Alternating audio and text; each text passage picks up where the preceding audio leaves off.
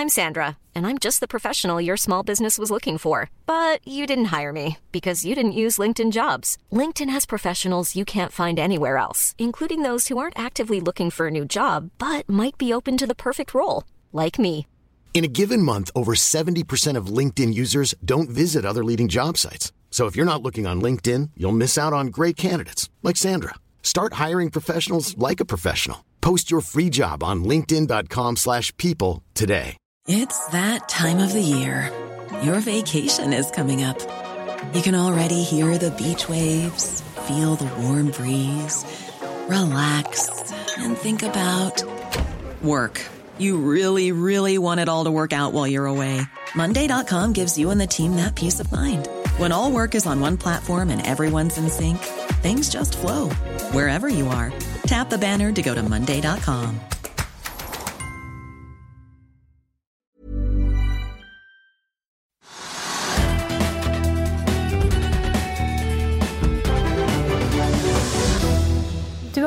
tidligere oljeanalytiker, og nå er du Nordea Markets ekspert på fornybar energi.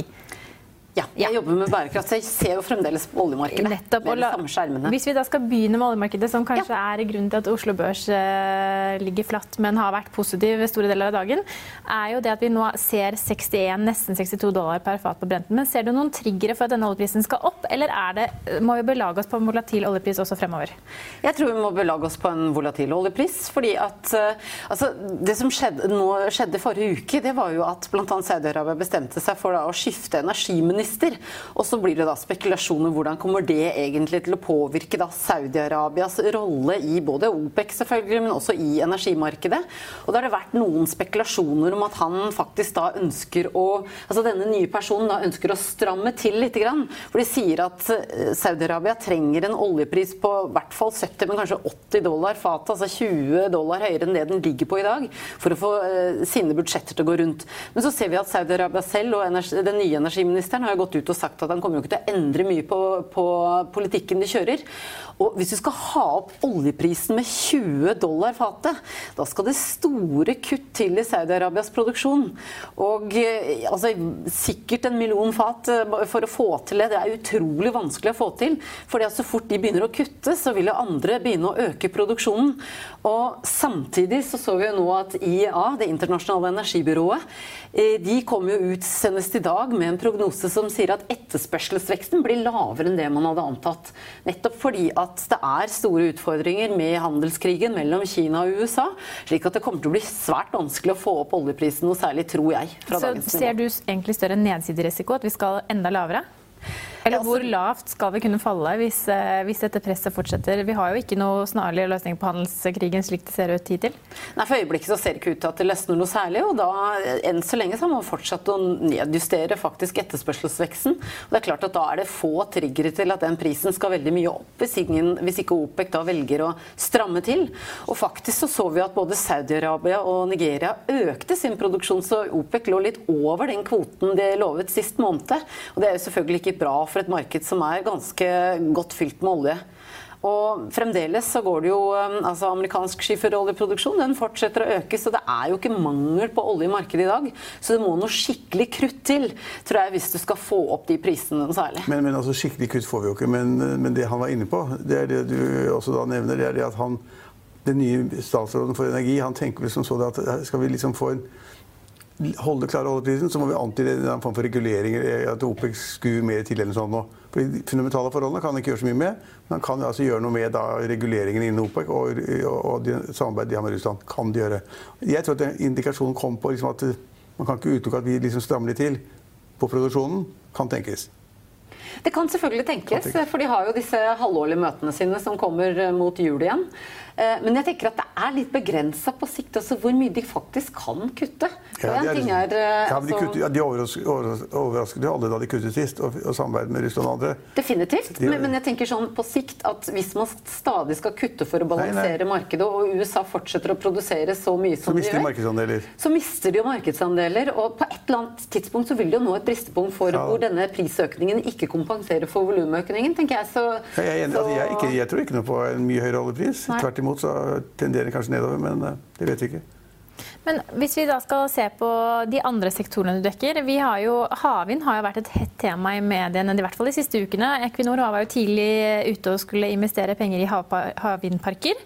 Eh, nå får de også støtte fra Enova, 2,3 milliarder kroner. Betyr det at havvind har blitt mye mer sexy? ja, det kan man jo spørre om.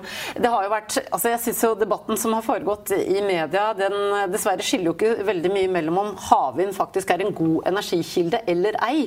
Eh, for det er jo mye beliggenheten som har vært diskutert. Og det er klart at alle har ikke lyst til å ha den i bakgården sin, det er greit. Men at havvind da er en dårlig energikilde, det er en helt annen diskusjon. Havvind, jeg mener du da vindparker i sjøen, eller mener du noe annet? Ja, nei, altså vindkraft, unnskyld. Vind, ja, ja, ja, unnskyld.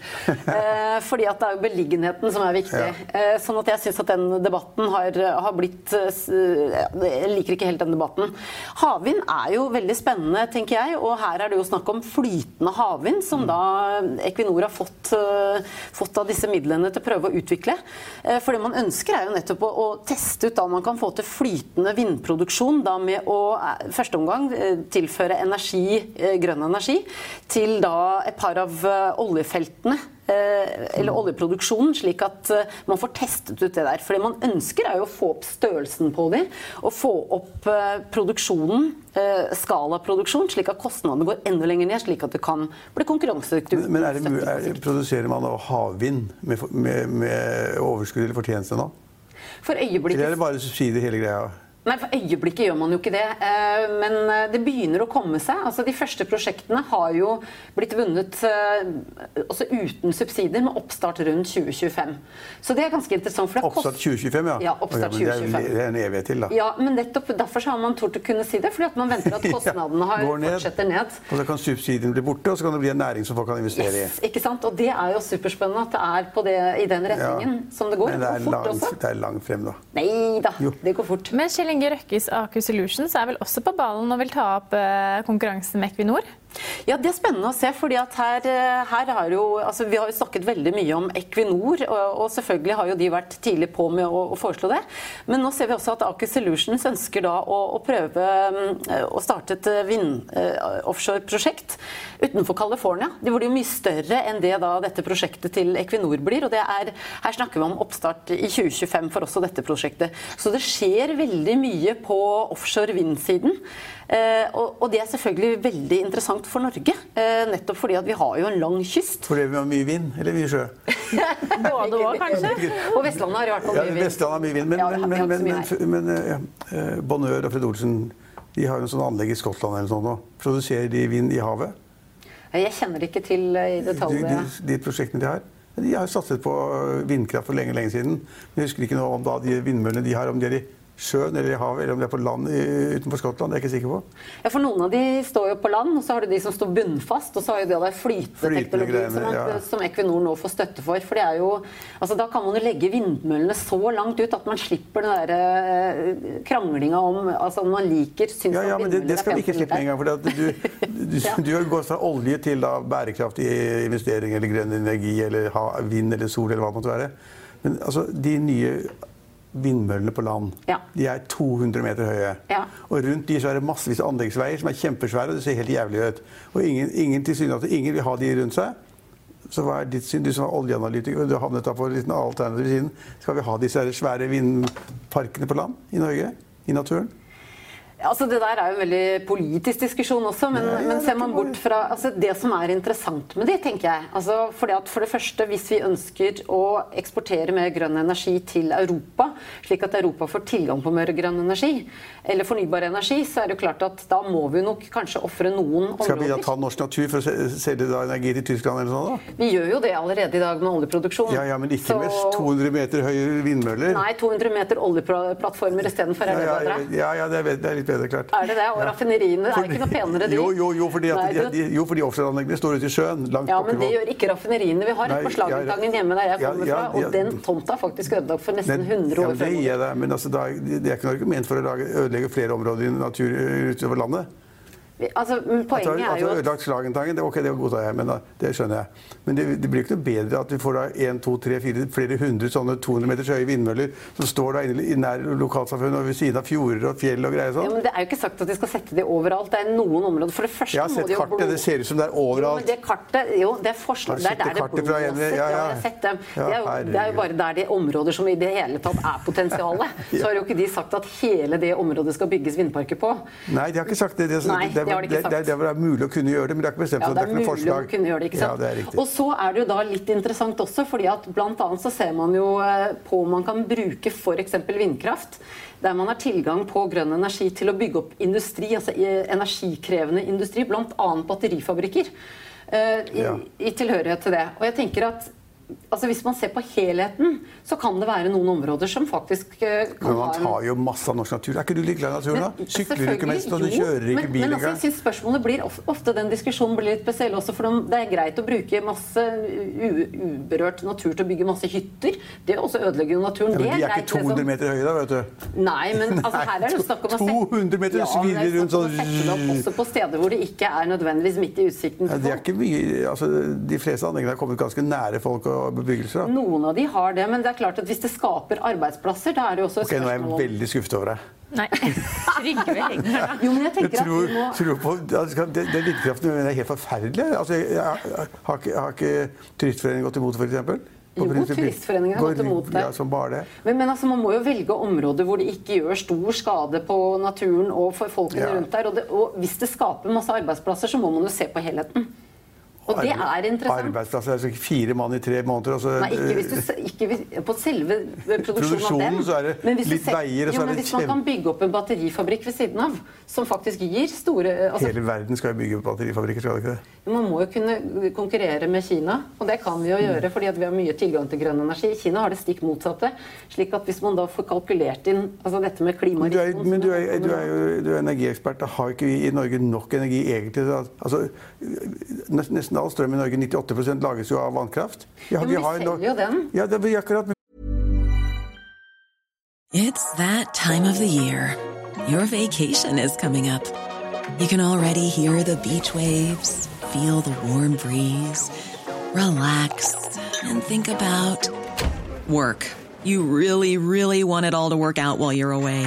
Monday.com gives you and the team that peace of mind. When all work is on one platform and everyone's in sync, things just flow wherever you are.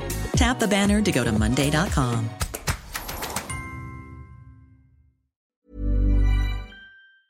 I'll see you in court. Vi sier det ofte litt på spøk, men for deg som driver business, er det aldri moro å innse at du ikke har laget en 100% gyldig kontrakt.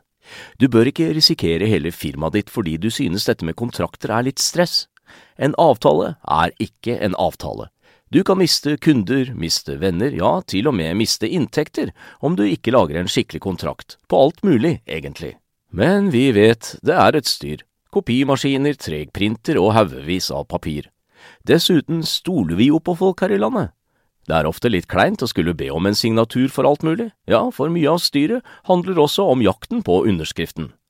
Det finnes en enkel måte å løse dette på, Dukkobit, en trygg, effektiv og get this, gratis måte å sikre seg en god natts søvn pluss en juridisk bindende avtale. Dukkobit-appen har de strengeste sikkerhetskrav i bunn, samt en EU-godkjent og sertifisert teknologi. Framover vil det bli behagelig å spørre du, skal vi skrive under på det, eller? Kom i gang på dukkobit.no. Vi har nok til å dekke våre behov, i hvert Jo, fall. men vi selger jo den. Ja, vi kan selge den i utlandet. Og så importerer vi jo utenlandsk energi Ja, som ikke er grønn. Av og til, frem og tilbake. Ja, ja, det, det stemmer, men, men Ja. vi selger den jo. Og det er jo ønske om å selge enda mer grønn energi. Ja, hvorfor det? Vi, vi selger jo, altså vi bruker jo omtrent ingenting av gassen vår, og, verdt, og veldig lite av oljen vår. Vi selger jo mesteparten Ja, ja, ja, ja. Så det her er det jo snakk Ja, om men vi hvorfor da lage nye fossefall og ødelegge natur for å få Det har vi jo gjort for lenge siden, selge til elver og utlandet? Ja, men ikke da. mer. Vi, nå må vi nå, altså, vi rent, rent investeringsmessig så har man jo sett Du nevnte jo faktisk når du kom inn i studio at MP, det danske pensjonsfondet MP Pensjon de vil nå helst ikke være i oljeselskapet lenger fordi de ikke har, gjør nok for klimaet. Nei, og det stemmer. De har da valgt, sagt at de ønsker å selge seg ut av de ti største oljeselskapene i verden. Bl.a. da Equinor, fordi at de rett og slett ikke ser at businessmodellen deres eh, støtter opp om der de venter avkastningen være i fremtiden. Så det er veldig, jeg synes det er veldig interessant det skiftet som foregår i energisektoren nå. Også på, også i, på investorsiden, og ikke minst også på, på finansieringssiden. At det er en endring her. Hun begynner å, altså Dette med klimarisiko det begynner å komme inn i strategier i businessmodeller. Ene på investeringssiden, men også da på finansieringssiden. Og det begynner å få en effekt. Og så tror jeg at denne effekten vil bare øke etter hvert som vi går utover de neste tiår. Vi har jo da klimaavtalen vi skal forholde oss til i 2030, og ikke minst også bærekraftsmålene i 2030. Så dette her kommer nå gradvis inn. Ja, Hvordan ligger vi an i forhold til disse klimamålene? Et mål, Parisavtalen. Parisavtalen. Parisavtalen. Vi ligger jo ikke særlig godt an. Eh, for jo, det er, jo, altså, er det ikke, to, ikke øke mer enn to grader? Nei, en, nærmere 1,5. Nei, det var, det var, to, og så sa man da kan tilstrebe 1,5. var to. Altså, I starten, når man gikk inn og forhandlet uh, i Parisavtalen, så, så var det var to. to som mål. Men når man kom ut, avtalen var nærmere under to, nærmere 1,5. Tilstrebe 1,5. Ja. Men, men to, altså, det var under to. Ja, ja, ja men, men, men, men vi, er, vi er ikke, vidt jeg forstår, er vi ikke langt fra det. Men man kan frykte Oi, at man Jo, vi er langt fra det. Det ligger et sted mellom 2,7 og 3. Altså, Trygve Hegnar, har vi en uh, fornybar- og bærekraftsekspert her, så vi må jo tro at hun vet unna. Det må ganske store tak til. Og det som er interessant, at de må skje nå. Vi har jo et vindu her på rundt fem år, vil jeg si, hvor mye av, uh, mye av den teknologien som trengs for å nå det målet, den må ut på banen. Så det er viktig at vi er med på det for å kunne bygge opp, uh, bygge opp ny energi. Men vi er jo en oljenasjon, det vet du. Ja, vi kommer til å være det i lang tid. Og nå har, nå har, nå har Oljedepartementet lagt frem lagt ut av nye, nye leteområder. Folk kan søke på det. 30 lisenser eller sånt man kan søke på. Så det er, det er, det er ikke noe innskrenking eller nedtrapping, det er en økning altså de, av de 30 områdene som skal, man kan søke på.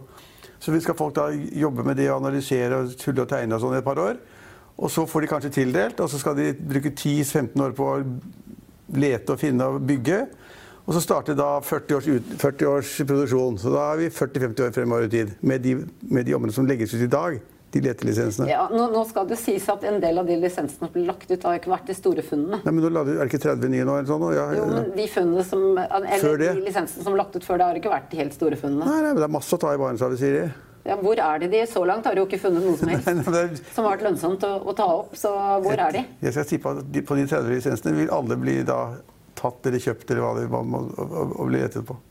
Jo, det kan godt hende, men, men ja, Du tror ikke det er så mye olje i Barentshavet? Altså? Nei, men de har jo ikke funnet noe. Jo, det er jo utvikling i Barentshavet, er det ikke det? Jo, men det er veldig lite i forhold til ja, altså, forhold, de funnene etter de nye områdene. Ja, ja. Og spesielt da øst mot grensa mot Russland, som de la ut de nye, så har de jo har ikke funnet noe men Mitt poeng var egentlig det at har, det er liksom ikke slutt her. for Når regjeringen legger ut av nye områder for å lete, så vil det også bli mer produksjon. Ja, produksjon, men den produksjonen kommer jo ikke i gang hvis ikke oljeprisene holder seg høy nok til å starte den. Og da er det jo store spørsmålet når, når når vi the tipping point på energi. det kan du si og jeg si. Men, men har ikke oljeselskapene kommet, mye, uh, kommet ned på kostnadssiden? også. Vi har jo, har jo vært gjennom en, ganske mange år med oljeprispress, hvor vi hadde da priser som falt fra 115 dollar til langt ned på 20-tallet. Så de har vel blitt flinkere på kostnadssiden, disse selskapene. Per, per olje, pumpet liter olje så ligger det vel Johan Sverdrup, er ikke den på 5 dollar fatet eller 20 dollar? Nei, det er ikke Midtøsten det der, altså. Fem dollar fatet er det 25. 25, ja. Jeg syns det var 5. Jeg Nei, jeg sa 25 dollar fatet, Trygve. Ja. jo, og det har du helt rett i, at kostnadene kommer ned. Men så skal vi huske på at noen av kostnadene er kommet mer permanent ned, fordi at man endrer metoder å gjøre ting på. Men så er det jo en del av kostnadene som er sykliske.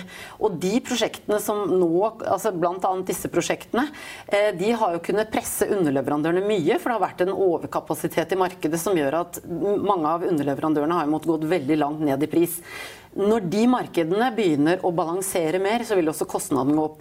Vi ser det bl.a. på skiferproduksjonen i USA også. ikke sant? Etter hvert som det blir mer etterspørsel, eh, hva skjer da med kostnadene på bl.a. rigger, ikke sant? på infrastruktur? Og det, var jo, det er det jo flere som har sagt allerede ved sist oljemesse i Stavanger, som var for et år siden. Så var det noen som begynte å bekymre seg hvis oljeprisen steg for fort, nettopp fordi at da kommer den derre boomen igjen. Eh, etterspørselen etter arbeidskraft er jo allerede allerede der og begynt å dra opp lønningene. sånn at sant, Så fort dette markedet begynner å stramme seg til, så vil også kostnadene komme opp igjen. Det, det, det kjøper jeg. Det sier man jo selvfølgelig også om all oljeproduksjon. Også på offshore også. Men, men altså, alle ekspertene undervurderte jo hva som ville komme fra skiferoljen i USA. Definitivt. Og de sa hele tiden at kostnadene ble så høye at de gadd ikke lete lenger. sånn, Men prisen holdt seg rimelig høy, og så 60 dollar, 50 dollar, så produserer de som hakka møkk. Mm. Og aldri produsert mer noen gang. De tjener jo ikke penger, da. Ja, Det vet ikke jeg, men jeg er ikke investor der borte. Nei, de, de, de borer og selger i hvert fall. Det gjør det. eh, Men det er USA er selvforsynt snart.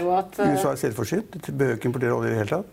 Ja, nei, Nå begynner det faktisk å nærme seg veldig. Men utfordringa deres er at de har jo de har nok råolje, kan du si, etter Ja, ja. hvert. Det kan de klare. Gass er de selvforsynte. Råolje må de nok importere litt ennå. Men problemet deres er at det er ikke riktig type olje til at raffineriene kan raffinere dem. Det er et godt poeng. Sånn Men, at, men, de, eh, men alle undervurderte produksjonskapasiteten og volumet de vil komme med. Det er og helt- definitivt. definitivt. Og det er jo fremdeles OPECs problem fremover. Eh, Som også er en utfordring. fordi at Hvis fortsetter, USA fortsetter å produsere så mye, på hvilket tidspunkt blir det, blir det vanskelig for OPEC å, eh, å kutte så mye at de klarer å stabilisere prisen til et nivå ikke for produksjonen sett, men for eh, landets budsjetter skal gå rundt. og Det er en kjempeutfordring de har. Og så La oss hoppe til et helt annet tema, for vi har tidligere vært inne på det. Men altså, hva som skjer i, i, i eh, India eller Kina med biler osv. Mm. Altså, vi, vi, vi i Norge nå selger vi eh, halvparten av bilene som vi kjøper og selges. Er, de nye er elbiler. Ja. 43,6 for å være eksakt. Men altså det er en sånn unik verden i Norge. Rikt land og får biler til halv pris osv. Så, videre, så kjøper selvfølgelig biler til halv pris hvis vi kan få det billig. Men altså, hvis du tenker på India og Kina og en del andre land, som også etter hvert vil ha krav på bil og mobilitet og bevege seg rundt sånn, tror du at det blir batteridrevne biler? Ja, jeg tror at det blir noe annet enn det som og Det er rett og slett fordi at eh, Annet enn fossil? I Annet enn India? fossil- Ja, eh, jo. eh, Rett og slett fordi at det er så problem med forurensningen i byene der. Ja. Så De har jo allerede begynt å se på det. Kina f.eks. Altså, av den oljen som per dags dato er skjøvet ut av markedet pga. elektriske enheter, så er det ikke pga. småbiler, det er pga. busser i Kina. Så det er enormt mye elektriske busser som har kommet til Kina. Og det er ikke bare det at man tenker på miljø og, og klima. Eh, En annen ting er også at her ser man mulighet til å bygge opp business, rett og slett. Så det er ikke uten grunn at Kina nå ser, altså skal begynne å selge bilbatterier til det europeiske markedet. Fordi at man også ønsker industrivekst. Men, det er, men havet mellom elbiler og fossilbiler er jo så enormt stort. Altså, hvor mange biler er det i Norge, vet du, Eline? Nei, det vet jeg ikke. Privatbiler? Dessverre. Ikke vet jeg, Er det et par millioner eller sånn? sånt? Ja, det er sikkert det. Og vi er verdens fremste sånn elbilland, og da er det et par millioner personbiler. Men det- hvor- hvorav disse så er kanskje mange, mange elbiler er solgt? 100 000 eller 50 000? Eller? Nei, det husker Det er i jeg ikke. fall mer enn, det er i hvert fall mer enn 50 000. Ja. Ja, ja, ja, men det er ingenting mot totalen. Og hvis du går til India eller Kina, så er jo da elbilmarkedet sånn, og så er da fossilmarkedet sånn. Og, og, Ja, men? Sånn som De kinesiske bilprodusentene de har, de har krav på seg at en viss andel nå må være eh, elbiler, rett og slett for å få det i gang. Eh, og så er det jo ikke sant, når, altså, tingen er jo, Og der har jo Norge bidratt med de støtteordningene de har. For her har jo elbilprodusentene nå fått mulighet til å teste både rekkevidde og batteri. Og så fått ned kostnadene, slik at man nå kan begynne å produsere små enheter som faktisk kan selges i Kina, i India, nettopp i mye større skala. Så her har jo Norge bidratt, selv om altså, at Norge skifter til elbil. Er helt enig med deg, det er ikke det som redder verden. Nei, også ikke, men, men at man får muligheten å gjøre det, har jo, gjør jo at man Ja, får elbiler ut på markedet mye ja, raskere. men vi lurer oss selv hele tiden. Altså, det er jo svære, svære, svære, flotte biler som koster en million eller sånt, og de, de får da fritak for masse avgifter, så kan de gå 20 km på el. Så De kan gå de, går lenger enn 20, de går 20 Ja, det er en kilometer. ganske mange elbiler som kommer seg lenger enn 20 20 Ja, km. og etter hvert nå så er det ikke sånn. Det er ikke de svære Teslaene, det er de små bilene som er viktig. Ja, ja, det er enig. Ikke sant? Vi- Og der er jo der vi begynner å nå det, om ikke lenger det breaking pointet der også. ikke sant? At man kan produsere bilene uten den støtten. Og Det er jo da du virkelig har den der eksponentielle effekten. Men Foreløpig så holder vi oss til hybridbiler som kan gå 20 km eller sånn. nå. ja, det går lenger enn 20 km. Ikke, ikke på el, nei da. Men du er jo mye vi. Tina, du er jo mye rundt og reiser. Hvilken sektor er det innenfor fornybar energi som er hetest blant, blant investorene, hvis vi da ser bort fra olje? Er det, liksom, er det vind? Er det solkraft? Altså, hvor er det man ser størst interesse fra investor, investorenes Altså, egentlig så, sånn, sånn sett så har det jo vært vanskelig å finne prosjekter i sin helhet. eh, For det er ikke så mange av de ennå. Men eh, altså, jeg, jeg, jeg må helt ærlig innrømme at jeg følger ikke så mye med på Jeg kan hjelpe akkurat deg. eh, Ja, takk. Solparker tjener penger. Norske interessenter som startet opp, bygger sånne kjempeparker. Skatek Solar, kanskje? Ja, Ja. i kjempe, altså enorme områder med sånne solgreier. Og så selger de da strømmen til de landene de er i 20-25 år frem i tiden, og de tjener penger. Gå, har vært gode Ja, investeringer og tjener de masse tjener penger. penger, ja. Tjener masse penger. Tusen takk for anledningen til å være gjest hos oss, Tina.